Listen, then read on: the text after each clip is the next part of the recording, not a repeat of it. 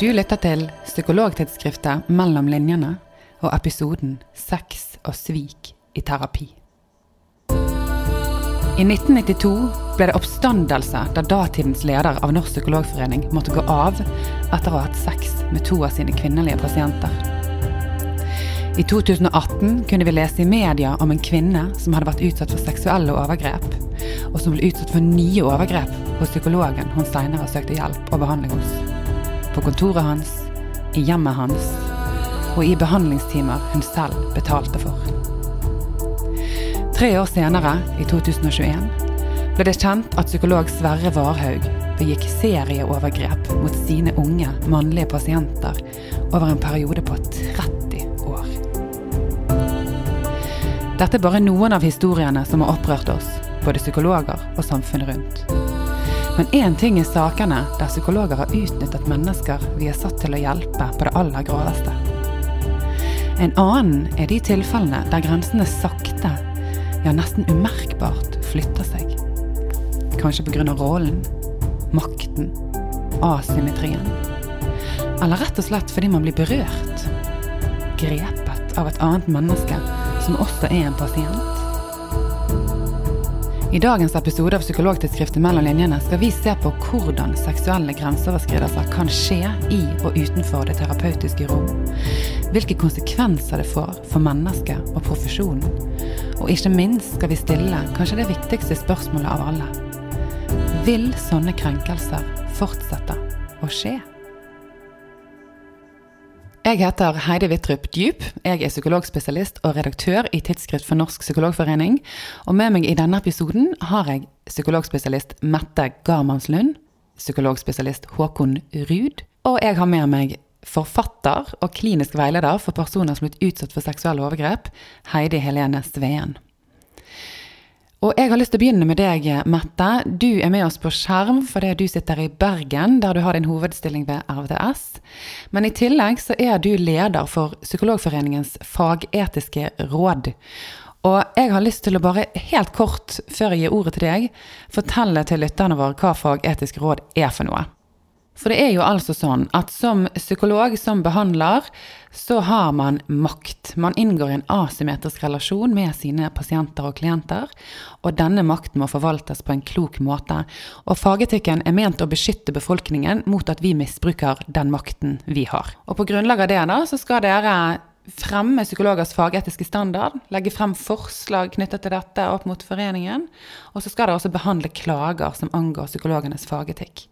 Og i dag skal vi fokusere på seksuelle grenseoverskridelser og overgrep. Eh, og dette vet jeg at dere er opptatt av i Fagetisk råd, både som tema generelt, men også fordi dere behandler enkeltsaker på bakgrunn av at det da kommer inn klager fra pasienter og klienter, eller at det kommer inn henvendelser fra kolleger, psykologer eller andre brukere av tjenestene våre, for det overgrep kan jo skje andre steder enn kun i terapirommet. Dere har ingen sanksjonsmyndighet. Hensikten når dere går inn i disse sakene, er å fremme refleksjon. Forhåpentligvis skal det komme noe læring ut av dette her, og eventuelt endring av praksis. Men dere har likevel mandat til å føre saken over i riktig spor hvis det er sånn at disse sakene må etterforskes, enten av politiet eller tilsynsmyndighetene. Um, men vi skal snakke litt om Varhaug-saken etter hvert. Men før vi kommer så langt, så har jeg jo lyst til å spørre deg hva saker dere vanligvis kommer borti?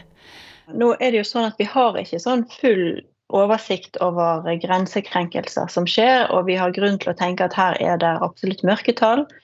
Um, når det kommer til de sakene som blir kjent, enten hos oss i Fagetisk råd eller hos eh, tilsynsmyndighetene og domstol, så er kanskje det mest vanlige eh, at det er en psykolog, kanskje en periode preget av litt personlig strev og behov for bekreftelse, som opplever positiv oppmerksomhet og varme følelser eh, i relasjonen til pasienten.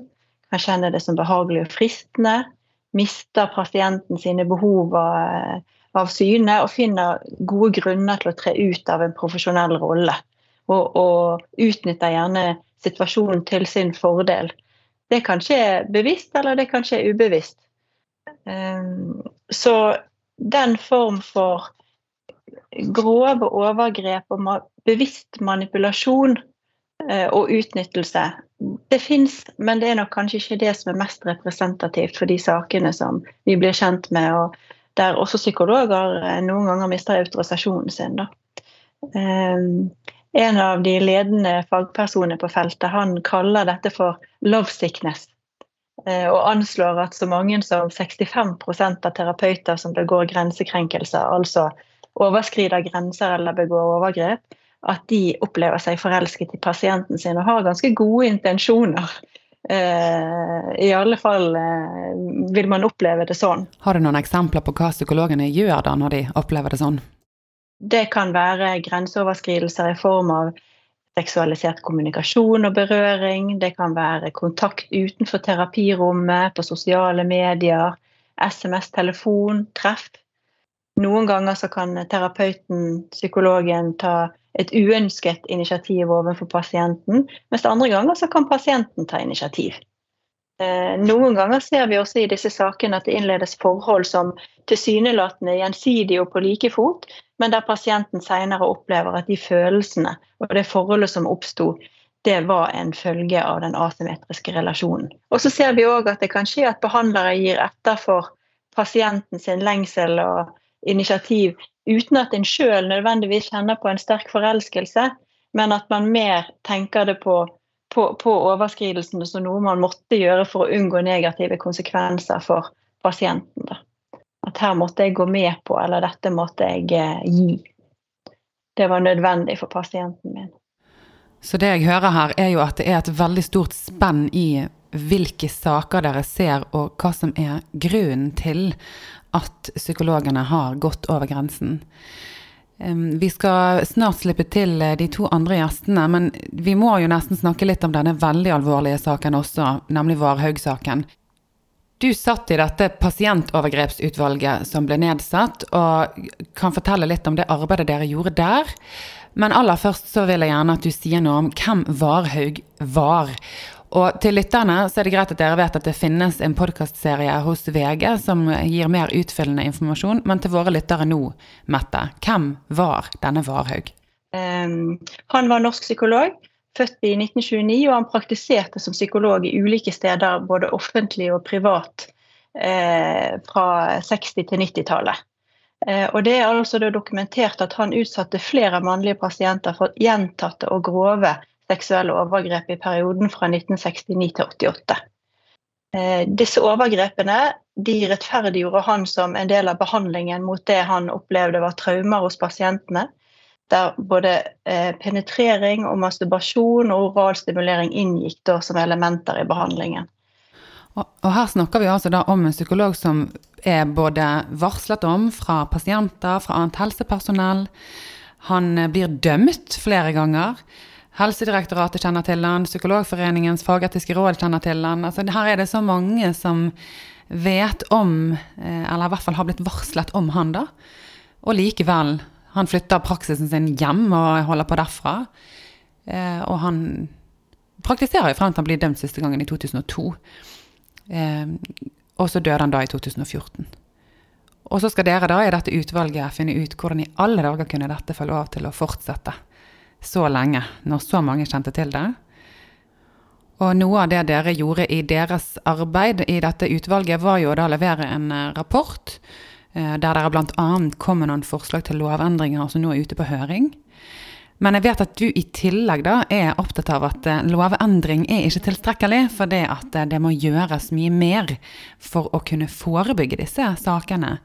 Og da er det jo litt andre ting som trengs enn lovendring. Det er flere tiltak som må til. Eh, og vi som eh, fagpersoner og som forening må også kikke på hva er det vi skal gjøre for å forebygge risiko.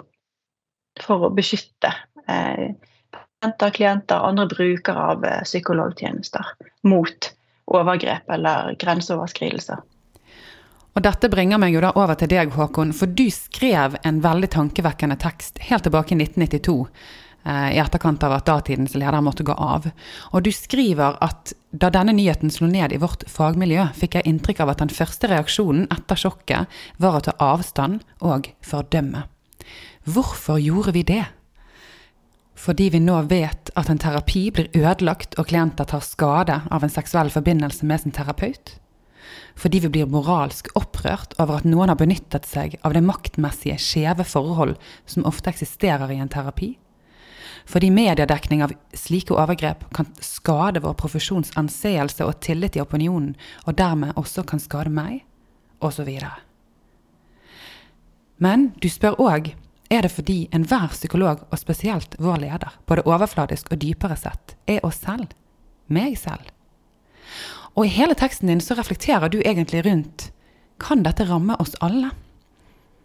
Og har vi nok sikkerhetsventiler, har vi nok støtte, veiledning, anledning til å forebygge dette ved å se inn i oss selv og sammen med våre kolleger utforske de ulike utfordringene rollen vår innebærer. Du avsluttet med å skrive at gjennom denne tragedien har vi, vår fagforening og våre utdanningsinstitusjoner en unik sjanse til å ta dette fortidde området på alvor. Vi må skape et sikkerhetsnett til våre klienters beste, og også slik at ikke vi selv og flere av våre beste kolleger styrer på grunn og forliser. Og denne unike sjansen vet jeg nei, men ikke om ble tatt. Um, selv om det var en viktig oppfordring, og det skal vi jo diskutere litt i dag, eh, det også. Men helt først, Håkon, kan du ta oss tilbake til begynnelsen av 90-tallet og fortelle litt om hvordan dette var uh, i fagmiljøet den gangen? Ja, uh, det var jo et sjokk for oss. Et skikkelig sjokk. Vi ble nok ikke så forarget over at han måtte gå av. Det ble mer forarget over at eh, det kunne ha skjedd.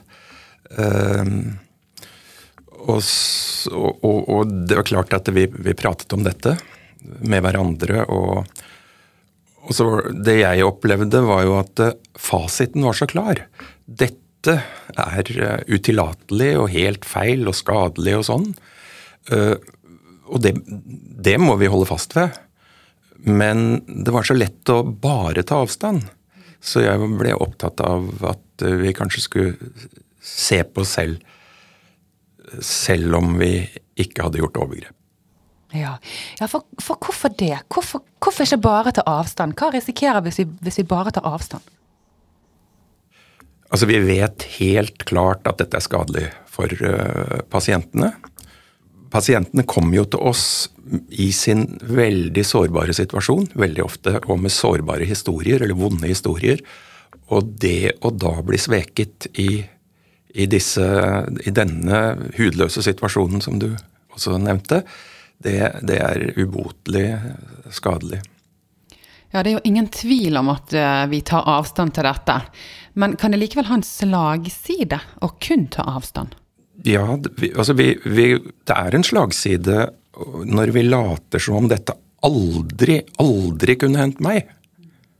Så, så, fordi hvis vi skal ha virkelig forebygging, så er jeg nødt til, som praktiserende psykolog, å ta inn over meg at kan jeg utelukke det helt? Og hva og hvordan kunne det skje i, min, i mitt liv, i min praksis? Jeg syns jo det er utrolig modig at uh, du tok det opp som et uh, perspektiv, og var så personlig òg, da. Uh, I en situasjon der det er mye fordømmelse. Men jeg vil jo si at dette høres veldig klokt ut. For hvordan i alle dager skal jeg ta opp med deg som min kollega at jeg kjenner på disse følelsene, hvis jeg forventer at du bare vil fordømme meg og avvise meg? Ja, jeg tenker sånn. Jeg tenker at, eh, og vet, vil jeg påstå, at, eh, at eh, følelser har vi alle. Og, og, hvis det bare blir tabu, så er vi dårlig skodd når situasjonen byr seg. Så, og, og, også dårlig skodd hvis, hvis, miljøet bare tar avstand, bare forakter, det er jo veldig lett å forakte også, så er det er dørterskelen veldig høy for å søke råd, og, og i og for seg også for å melde seg selv. Ja. Hvordan var det å skrive denne teksten? da? Fikk du noen eh, tilbakemeldinger eller noen reaksjoner tilbake i 1992? Jeg følte det litt skjørt å ha skrevet akkurat dette, for det var på en måte fasiten var jo at det var bare å, å fordømme. Men eh, jeg fikk ikke mye reaksjoner eh, på det. Jeg Fikk noen anerkjennende kommentarer, gjorde det. Og så først og fremst ikke noen reaksjoner, men noen få anerkjennende, og også noen som var i tvil om dette perspektivet var uh, klokt. Men det ble liksom ingen diskusjon av det. Nei, og det fraværet av diskusjon, det har vi egentlig lagt merke til i eh, redaksjonen til Psykologtidsskriftet. For vi feirer jo 50 år med deling nå i år, og ser jo når vi går gjennom tidligere utgaver at dette temaet her har ikke blitt spesielt mye dekket. Det virker nesten ikke som psykologen har vært spesielt opptatt av dette her, bortsett fra på 90-tallet. Eh, da angikk det jo oss i aller høyeste grad, og da var det også veldig mye skriverier i mediene. Og så har det kommet måte mer fokus på det igjen nå de siste årene. Eh, og det er litt foruroligende at eh, det ser ut til å ikke bli så mye diskutert, da. Med tanke på det vi nå har fått høre fra Mette om hvilke saker de møter på i Fagetisk råd. Men vi skal snakke mer om hva vi må gjøre for å forebygge disse sakene, og hvilket ansvar eh, ulike aktører har. Men jeg har lyst til å snakke litt med deg, Heidi, for nå ble vi veldig opptatt av hvordan dette er for psykologene. Og ditt blikk inn på dette er jo hvordan er dette for de som er utsatt? Min erfaring er jo at eh, de som har blitt utsatt av en hjelper, da, om det er en psykolog eller en eh, fysioterapeut, en lege eller, eller andre som har eh, utøver et profesjonelt yrke, eh, de sliter nok mer med å konseptualisere det overgrepet som overgrep. Fordi de i utgangspunktet har vært en allianse der, ikke sant, med en enorm tillit. Og så viser det seg at denne personen er villig til å begå et overgrep mot deg. Og det er så langt unna forventningen eh, til den som er utsatt, at de har eh, problemer med å begripe det, rett og slett. Sånn at eh, de, de kan, kan, ha en sterk opplevelse av ubehag og har blitt utsatt for noe de ikke ønsker. Men det kan jo ikke ha vært et overgrep. Men så hva var det da? Og så kommer tvilen, Eh, og så skammer de seg, for de tenker men dette har jeg kanskje vært litt med på selv, da. For hvis han gjør sånn mot meg, så er det vel kanskje noe jeg gjorde før det igjen. Eh, og, og, i det hele tatt. Sånn at eh, jeg tror at vi som skal hjelpe de som er blitt utsatt av sine hjelpere, må forstå eh, hvor vanskelig det er å definere dette som et overgrep. Eh, og det er også fordi at det, det er en definisjonsmaktasymmetri her. ikke sant? Fordi at en profesjonell hjelper skal liksom sitte på begrepene og innsikten og ha oversikt og alt det der. Um, og den som skal motta hjelp, er, er, er, da per definisjon ikke sant? en som er litt hjelpeløs i et eller annet. ikke sant? Um, så det å også da skulle gå ut av et sånt rom og varsle, det, det, er, det, tror jeg er det kanskje det aller vanskeligste utgangspunktet for varsling. Og det henger sammen med mange og nettopp det de tingene jeg akkurat har sagt, fordi de kjenner på den egen, egen tvil selv om hva de faktisk har blitt utsatt for. Men også fordi at um, det er det å skulle uh, anklage en som da er profesjonell, som har en status, som man kan tenke at eh, til en viss grad eh, kan eh, nyttiggjøre seg den glorieeffekten av at jeg er psykolog, jeg har vært gjennom så og så mange års utdannelse, jeg har dyp innsikt i menneskets sinn. Så, så, og så skal man korrigere en sånn person. ikke sant? Å kritisere og korrigere og varsle. Det vil kreve en hypersensitivitet til de som er rundt, og en villighet til å tro på at eh, psykologer kan være i stand til å begå overgrep. Ikke bare begå overgrep, men bruke hjelpesituasjonen til å begå overgrep. ikke sant? Tenk på det. Og dette er jo ganske viktig faktisk å dvele litt ved. For det, nå hører jeg jo at det skaper utrolig mye forvirring for pasienten og usikkerhet rundt hva er det egentlig som skjer nå. Men det samme kan jo kanskje også skje med terapeuten. For som vi hørte fra Mette i sted, så er det ikke nødvendigvis en manipulerende predator vi snakker om. Sånn vi snakker jo om terapeuter som flytter grensene gradvis, litt etter litt. For det det oppstår følelser, da.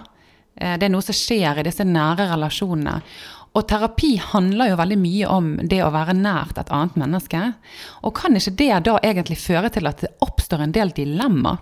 Ja, det har jeg virkelig tenkt litt på. Altså, fordi mange terapi, terapiformer går jo på ikke bare det å bygge og, og, og, at pasienten får hjelp til å tillate seg tillit, men også hjelp til å åpne opp for erfaringer de har hatt i livet sitt, på godt og på vondt, øh, og i det som kalles overføring så vil jo dette lett da, og skal på en måte innen visse terapiformer, vekkes til live, sånn at det kan ses på, reflekteres over, bearbeides. Forutsetningen for at det skal kunne bearbeides, er at det leves på én måte i den relasjonen. Uh, ja. Så det er det. Og, og da tenker jeg også at uh, pasienten er veldig utsatt, selvfølgelig, da, for hvordan terapeuten møter dette. Hvis terapeuten møter det med en kald skulder, så er heller ikke det godt. Nå forutsetter jeg positiv overføring, altså det å se pasienten som veldig fin og flott. Og, ja. Eh, men så er det også det at eh, hvis vi tar det fra terapeutens side igjen eh, Pasientene viser oss jo veldig sårbare sider. Og hvis vi ikke blir berørt av det, så er det jo spørsmål om det er god behandling i det hele tatt. Det kan være en teknisk uh, orientert behandling som kan være en god behandling. Du får hjelp med angsten din via et angsthierarki eller hva det, hva det skal være. Så det er, ikke, det er ikke det. Men når pasienter våger å være så nær seg selv, og dermed også oss, ja, så blir vi engasjert. Og kan, jeg tenker vi bør bli det også. Og da lurer jeg på hvor lang vei det er fra å, å se et menneske som lider med stor sympati, til å bli betatt av, til å bli forelsket i, da, som eh, er beskrevet i noen saker. Til å begjære. Så da kreves det et veldig refleksjonsarbeid eh, når dette er på gang. Og, um, og, varselsignalene bør vel lyse for oss når vi begynner å bli mer enn betatt av. Mm. Og ansvaret til psykologen er jo ikke å ikke utvikle følelser eller oppleve nærhet til sin pasient eller klient, men å ikke handle på det. Det gjør jo ikke de fleste psykologer, selvfølgelig, men noen gjør det. Men Heidi Helene, i din erfaring, hva er det som foregår før det går så langt at man begynner å handle på det? Hva er prosessen før det?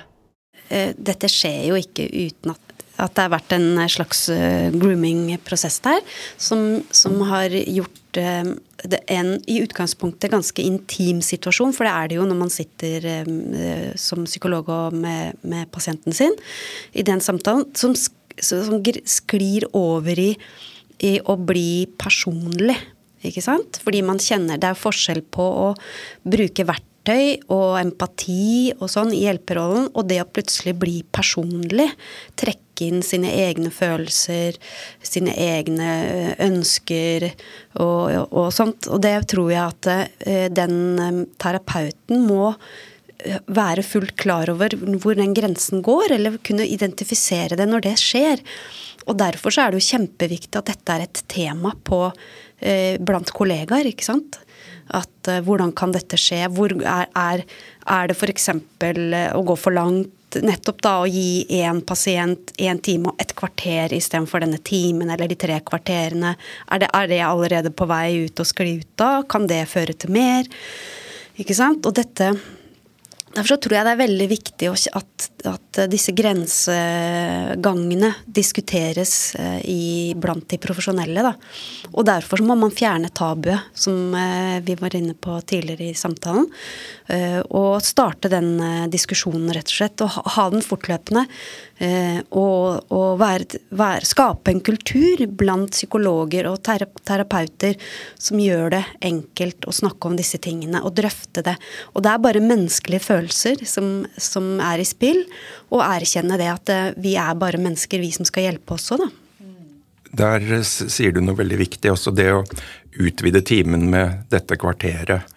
Eh, det er ikke for ingenting at vi har ganske bestemte rammer i forhold til eh, en terapiprosess. Så kan det være en situasjon hvor det er stor krise, og at det faktisk er god praksis. Bare må ile til å si det. Og det har ingenting med vårt tema å gjøre. Det er bare, ja.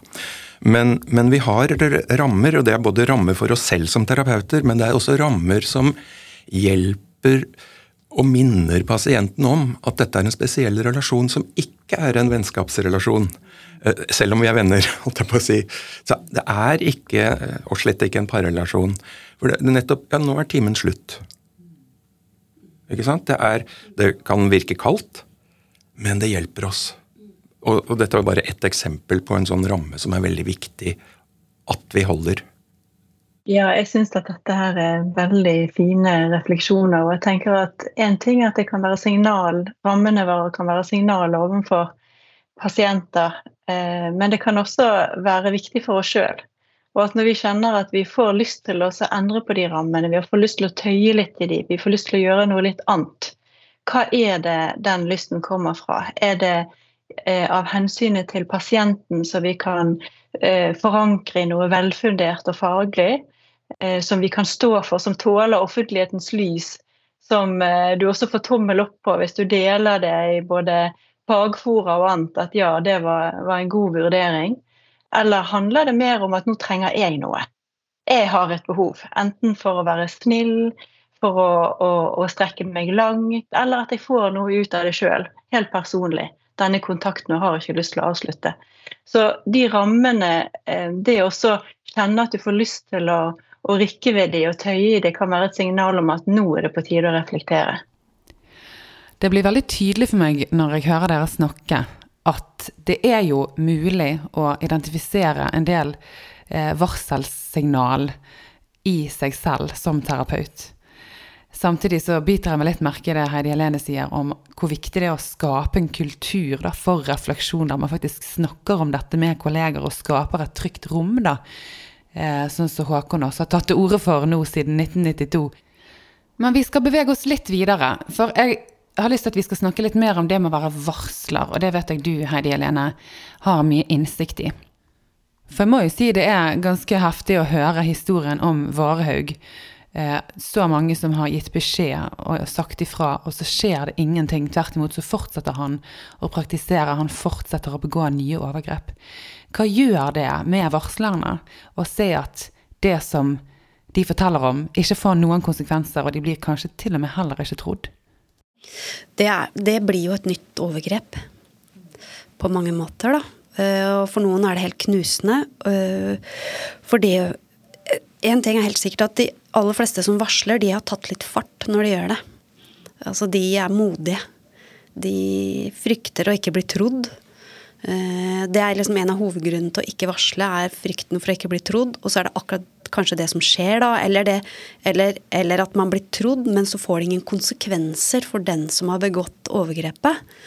Eh, og da føles det helt verdiløst og det eh, å ha gjort og ha varsla, ikke sant. Og så tror jeg at mange da tenker at jeg var ikke verdt noe. Det overgrepet jeg ble utsatt for, den krenkelsen jeg ble utsatt for, den var ikke verdt noe. Altså er jeg en person det er mulig å krenke og komme unna med det. Eh, og det skader jo, eh, eller kan potensielt skade selvfølelsen eh, og selvbildet. Og jeg tenker at det er nok mange, dessverre, som lar være å varsle fordi de har en eller annen intuitiv frykt for at nettopp det skal skje. Og noen har jo også opplevd at det er akkurat det som skjer. Sånn at det, det er nesten det er nest, jeg, jeg, har jo snakka med veldig mange som har anmeldt voldtekt eh, og andre typer seksuelle overgrep. Eh, som har varsla til arbeidsgiver f.eks. For eksempel, fordi det har skjedd på arbeidsplassen eller det er en kollega som har utsatt dem. Og som opplever at, eh, at det blir tatt på alvor i den initialfasen, som man kan kalle det. Altså den første fasen blir tatt på alvor, og så skjer det ingenting. En sak blir henlagt, eller, eller en arbeidsgiver sier at ja, men det var jo ingen som var til stede i dette rommet, som kan vite med sikkert at det du forteller er sant, så vi kan på en måte ikke sanksjonere denne personen som du har varsla mot. Vi får, ikke gjort noe. Eh, og det tror jeg er altså en sånn følelse som jeg i hvert fall har sett at mange av de jeg har snakka med i etterkant, som har vært gjennom det, eh, som er så nedslående at den, den, den opplevelsen gjør nesten mer skade enn det opprinnelige overgrepet. Fordi da er, da er man plutselig et menneske som ikke teller. Ikke sant? I, i den konteksten. Så eh, det er uhyre viktig å ivareta de som eh, varsler. Eh, det betyr ikke at man skal tro på alt som blir sagt, og at man skal kjeppjage personen som blir varsla om umiddelbart. sånn. Alle skal ha, har krav på å bli ivaretatt i en sånn situasjon. Eh, men det er så uhyre viktig. Og at det får en konsekvens. At den som varsler ser at dette får en konsekvens. Det hjelper å si ifra. Og er du enig der, eh, Håkon? Altså, hjelper det å si ifra? Eh, har man gode måter å ta imot varsler på, eller risikerer vi at vi gjennom måten vi responderer på dette her, gjør rett og slett vondt verre? da? Så jeg tror at Altså, vi snakket om rammer i terapi, og jeg tror også vi må ha veldig tydelige kjøreregler ved, i forhold til varsling at de bør være veldig tydelige. Og Jeg har også lest boken din da, som en foranledning for, for til dette, og, og, og, ser jo veldig tydelig at uh, en organisasjon blir veldig svak og svekket i sånne situasjoner hvis man ikke har tydelige sånne regler og rammer også. Når uh, avvik har skjedd, så må vi ha gode avviksrutiner. Uh, og, og det gjelder i alle former for avvik. Brann og hva det nå er. Ja, altså Gode rutiner når noen har varslet, det er viktig. Gode rammer for det. Eh, en endret kultur på arbeidsplassen, sånn at man kan snakke om disse tingene før det skjer. Og så har vi jo denne rådgivningstelefonen eh, til Fagetisk råd, som man kan ringe hver onsdag mellom klokken 15 og 17, da, bare for å snike det inn òg. Men eh, min påstand er jo likevel at det kommer til å skje igjen, da. Hva svarer du hvis jeg sier det? Jeg kan være enig i at dette kommer til å skje igjen, men jeg tror øh, at hvis vi er villige til å gjenkjenne i oss selv, altså vi som er utøvende terapeuter, så tror jeg at øh, de aller, aller fleste av oss oppfanger varselsignalene. Ja, og jeg vet du øh, har med deg et lite sitat, eller en liten e-post fra en venninne. Hva var det hun skrev til deg? Leste om en jødisk eller gresk-ortodoks, hun husket ikke riktig, gammel skikk. Foran byens fengsel gikk en sti, der bøyde man hodet i ydmykhet for fangene som satt der inne, for de er bærere, ekstreme eksponenter, for våre egne skyggesider. Så jeg tror den type visshet om at skyggen er ikke fremmed for, noen av oss, selv om vi slett ikke vil se den skyggen. Eh, jeg, jeg tror det er en veldig viktig personlig eh, innstilling i forhold til å få hjelp til, fra seg selv til å reflektere. Ja, Så det at vi som terapeuter tar inn over oss at vi faktisk også kan ha noen skyggesider, det er viktig. Og så kan vi hjelpe oss selv, som du sier, da, og faktisk ikke handle på dette. Er det noe du er enig i, Mette? Vi har jo grunn til å tro at de fleste psykologer ikke begår overgrep eh, mot eh, pasienter. Men det er jo ikke fordi at ikke de kjenner på varme følelser for pasienter. At ikke de blir forelsket. At ikke de kan være fristet på å handle på en positiv interesse og kanskje en tydelig invitasjon noen ganger òg. Det er jo ikke fordi at vi ikke har de følelsene og opplevelsene. Det er ikke noe sært eller avvikende. Det er jo en del av yrket, og det er en yrkesrisiko å komme i en situasjon der du handler på den type følelser. Så eh, jeg tenker at det er helt avgjørende å løfte det opp som et tema som må leve da, hos oss. Eh, og at det, det er ikke, vi er ikke tjent med å ha det der tydelige skillet mellom oss og de andre. Eh, kanskje det skillet er tydeligere når vi snakker om de grove overgrepene med veldig eh, målrettet manipulasjon, og som er forankret kanskje i ganske alvorlig problematikk hos behandleren. Eh, da, da, kan det være at vi har litt større grunn til å skille mellom oss sjøl og den andre. og Noen av de sakene er jo de som slås opp. Men det er en yrkesrisiko for enhver psykolog som møter noen i et sånt rom, i et fortrolig rom, å kunne gå over grenser.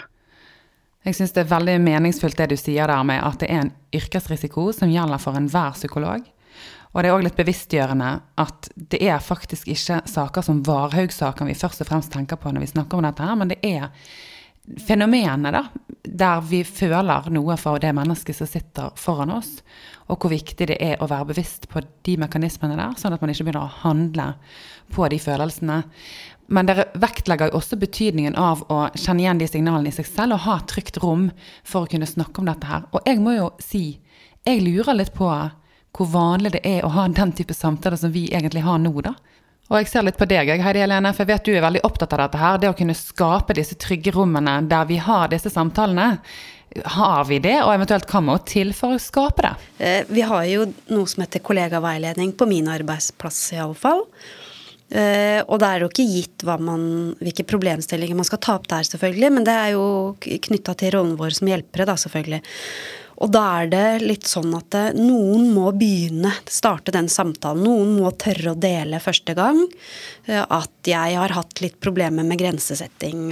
For, vi kaller dem brukere da fordi vi ikke er profesjonelle helsepersonell. Så vi kaller dem brukere og ikke pasienter, og vi driver heller ikke behandling. Men vi gir jo hjelp. Og da må noen starte, tørre å starte å si noe. At jeg har hatt problemer med å, å sette grenser overfor denne brukeren. Jeg syns synd på henne. Jeg ser at hun kanskje egentlig trenger en mamma i livet sitt. Hun har ingen. Eh, nå, må, nå må dere hjelpe meg å sette grenser støtte meg i det. Og så, og så starte den samtalen. Og så må det være en leder til stede som tar det godt imot og sier tusen takk for at du deler. Dette er veldig viktig. Nå skal vi ta en runde på det. Og så, og så må den samtalen holdes ved like. Og så må det skapes sant, et miljø der hvor det er, er, lav terskel for å ta opp sånne problemstillinger, hvor man nettopp ikke blir fordømt eller ikke blir sett på som, som um, uprofesjonell fordi man har disse erfaringene. Fordi det er en del av rollen å kjenne på det. Uh, og, og, det er rett og slett det å skape en kultur da, for å ha den samtalen, og tørre å innrømme at man uh, kanskje liker noen brukere bedre enn andre, og, og sånne ting, da. For det, i seg selv er ikke galt eller, eller, veldig rart, men det å handle på det, det er det som er problemet. ikke sant? Og det må vi, trenger vi hjelp til å regulere av kollegaer. Nei, for det er jo ikke følelsene som i seg er yrkesrisikoen. Det er nesten en risiko hvis du ikke har følelsene. Men det er når mine behov ut fra mine følelser begynner å få meg til å handle. Eller nesten handle. Og hvis jeg er så heldig at jeg merker at jeg nesten handler, så er det å gå til det forumet ditt og dele.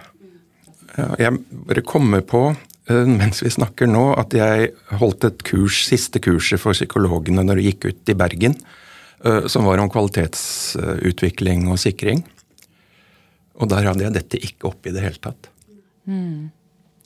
Nei, og det er litt Hadde mye annet viktig oppe, men ikke dette. Men det er en veldig Tenk bra erkjennelse du kommer med der. For ja. jeg har òg tenkt på, tilbake til min egen studietid, snakket ja. vi om dette da?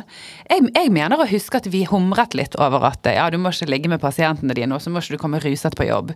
Altså Det var på en måte fagetikken eh, som, som, vi hentet ut av, av det. da. Mm, mm. Men, og tingen er at når det blir så åpenbart at det skal vi ikke gjøre, så er det heller Det vekker ikke noe rom for refleksjon, da.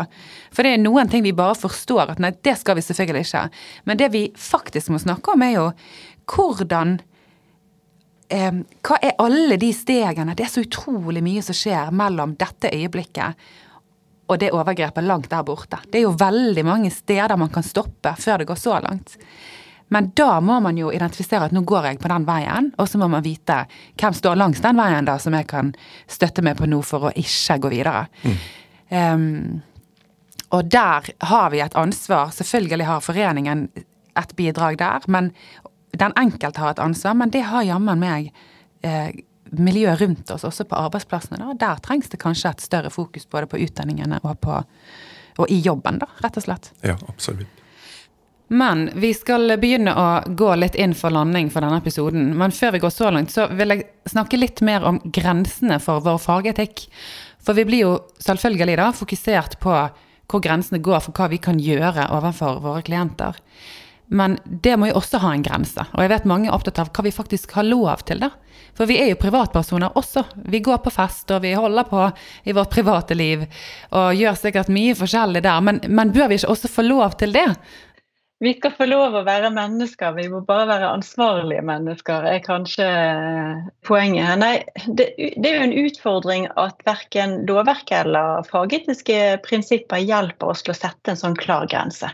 Og det er jo også sånn at vi, vi, psykologer har et fag som ligger tett opp til det å være menneskelig. Eh, og det er jo helt eh, urimelig å tenke at vi ikke skal kunne bruke vår eh, kunnskap eller våre ferdigheter, da, mellommenneskelige ferdigheter, relasjonelle ferdigheter i private relasjoner. Er vi på fest og treffer noen som eh, vi blir fascinert av, og vi kanskje legger breisiden til for å fremstå så anerkjennende, validerende og eh, godhjertet som mulig. Så ja, noe av det kunne lignet litt på det du gjør på jobb i terapi. Eh, men selvfølgelig er det gjerne da ikke eh, behandling du driver med. Sånn at Spørsmålet kan jo være òg når er det lovverket og fagetikken stopper litt, og det glir over i et form for moralsk ansvar da, som vi alle vi mennesker har overfor hverandre. Eh, som mer handler om å ville godt, ha fokus på andre. Være obs på en sjøl og hvordan ens egne valg eh, og handlinger påvirker andre, da, på godt og vondt. Og Der er det jo sånn at vi psykologer kan sjelden forfekte uvitenhet. Eh, vi, vi, kan ikke si at nei, vi ante ikke noen ting om hva som kunne skje med den andre når jeg gjorde sånn, eller hvordan dette kunne virke inn. For det skal vi liksom vite litt mer enn andre om. Eh, så kanskje det stiller oss i enda større grad moralsk ansvarlig i sånne private sammenhenger òg, da.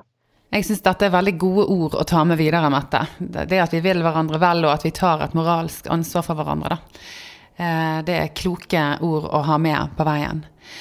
Men før vi går helt inn for landing nå, så er det én ting vi rett og slett også er nødt til å adressere litt, og det er spørsmål om rettssikkerhet. For det vil òg mange være opptatt av når vi snakker om varsling, og når vi snakker om det å fortelle om grenseoverskridelser og overgrep. Og jeg vet du, Heidi, er litt bekymret for å sammenblande disse temaene fordi det kan gå litt utover de som faktisk skal ha det trygt nok til å varsle det juridiske. ikke sant? Rettssikkerhet knytter seg opp mot juss. ikke sant? De, de, juridiske aspektene. De er det de profesjonelle eh, mottakerne av varsler som skal ta. Enten det er politiet eller statsforvalteren eller et eller annet eh, autorisasjonsutvalg. Skal, skal, ta den biten. Sånn at det er en helt egen diskusjon. Eh, så, sånn at eh, her dreier seg om jo bare i det hele tatt å få noen til å varsle når noe skjer. For bare tenk på alle de overgrepene som aldri blir fortalt om. Ikke sant? Dette er jo et kjempeproblem i samfunnet vårt generelt. Så det er liksom der, jeg føler at det er der diskusjonen er nå, og det er der den bør være. Og så er egentlig det juridiske veldig godt ivaretatt nettopp gjennom retningslinjer og rutiner og det juridiske lovverket. Så det at vi har et system som ivaretar rettssikkerheten vår, det blir jo veldig viktig å understreke, og kanskje også viktig at vi kan ha tillit til. For mange psykologer kan nok være redd for å bli urettmessig anklaget. Altså det å øh, være trygg på at det fins et rettsvesen som, som, ivaretar en rettssikkerhet. Og, og, der har vi et problem, selvfølgelig. Hvis det er straffesak, så er det heller ti skyldige fri enn én uskyldig eh, dømt. Så, så det, er, det, er, et kjempeproblem, og, og, der tror jeg også vi trenger å skjønne at det å bli Det er veldig vanskelig, da, men vi trenger å informeres i befolkningen at uh, selv om hun eller han ikke ble dømt, så er ikke det ensbetydende med ikke å bli trodd, men det er bevisovervekt. Så den er kjempesnedig og vanskelig, men ja. Vi kan ikke, det er litt i tråd med også at Psykologforeningen ikke gikk inn for dette med varig å miste autorisasjon, men at det må opp i, i, i rettsinstans. Som jeg tenker var lurt. Også i forhold til å ikke gjøre terskelen for høy i forhold til å si fra om folk. Eller si fra om seg selv. Så at, at, at, du også må være trygg på at det fins et rettsvesen som trer i kraft, og hvor du får en forsvarer og ja. Ja, for det er jo et, eh, et, et faktum at man òg kan bli urettmessig beskyldt for å ha gjort noe man ikke har gjort. Og det kan også være tema og prosesser og ting vi jobber med i behandling som kan øke risikoen for at det kan skje oss, da. helt uten at vi skal peke finger eller, eller eh, legge skyld på noen. Sant? Det kan handle om at man ikke helt klarer å skille mellom hva som har skjedd før og hva som skjer nå. Det, det, det, det, kan være flere ting som gjør at um, vi kan ikke si at det ikke finnes risiko for å bli anklaget uten grunn. Uh, og, og, da uh, Jeg er helt enig med det som, uh, som blir sagt her om at rettssikkerheten er noen andre sitt, sitt, ansvar å sikre. Men den er relevant for denne debatten fordi at vi kan risikere at den utryggheten på rettssikkerhet kan bidra til å heve terskel for varsling, heve terskelen for den åpenheten og det å vise den sårbarheten som trengs for å kunne jobbe godt med disse ubevisste prosessene som vi kan være litt fanget i. Eh, og da får det en veldig uheldig slagside. Eh, og jeg tenker med meg sjøl, hadde jeg vært bekymret for en kollega eh, som jeg tenker at går over grenser, så, så ville det trygge meg i min plikt til å varsle at jeg vet at vedkommende møter et system som er eh, sikrer eh, rettssikkerheten, og som er eh, til å stole på. det samme ville jeg tenkt hvis jeg sjøl ble dønn forelsket i en pasient. Eh, og, og, kjente et ubehag på hva, hva skal jeg gjøre med dette. Da også hadde jeg trengt å vite at går jeg til en veileder eller en kollega og snakker om, om det, så, så, så, er jeg sikret en, eh, en god behandling eh, dersom vedkommende varsler. Og så er det viktig nå å understreke at det er jo ikke sånn at det er den utsatte eller den som ønsker å varsle, som skal bevise noe som helst. Det er ikke de som skal etterforske saken.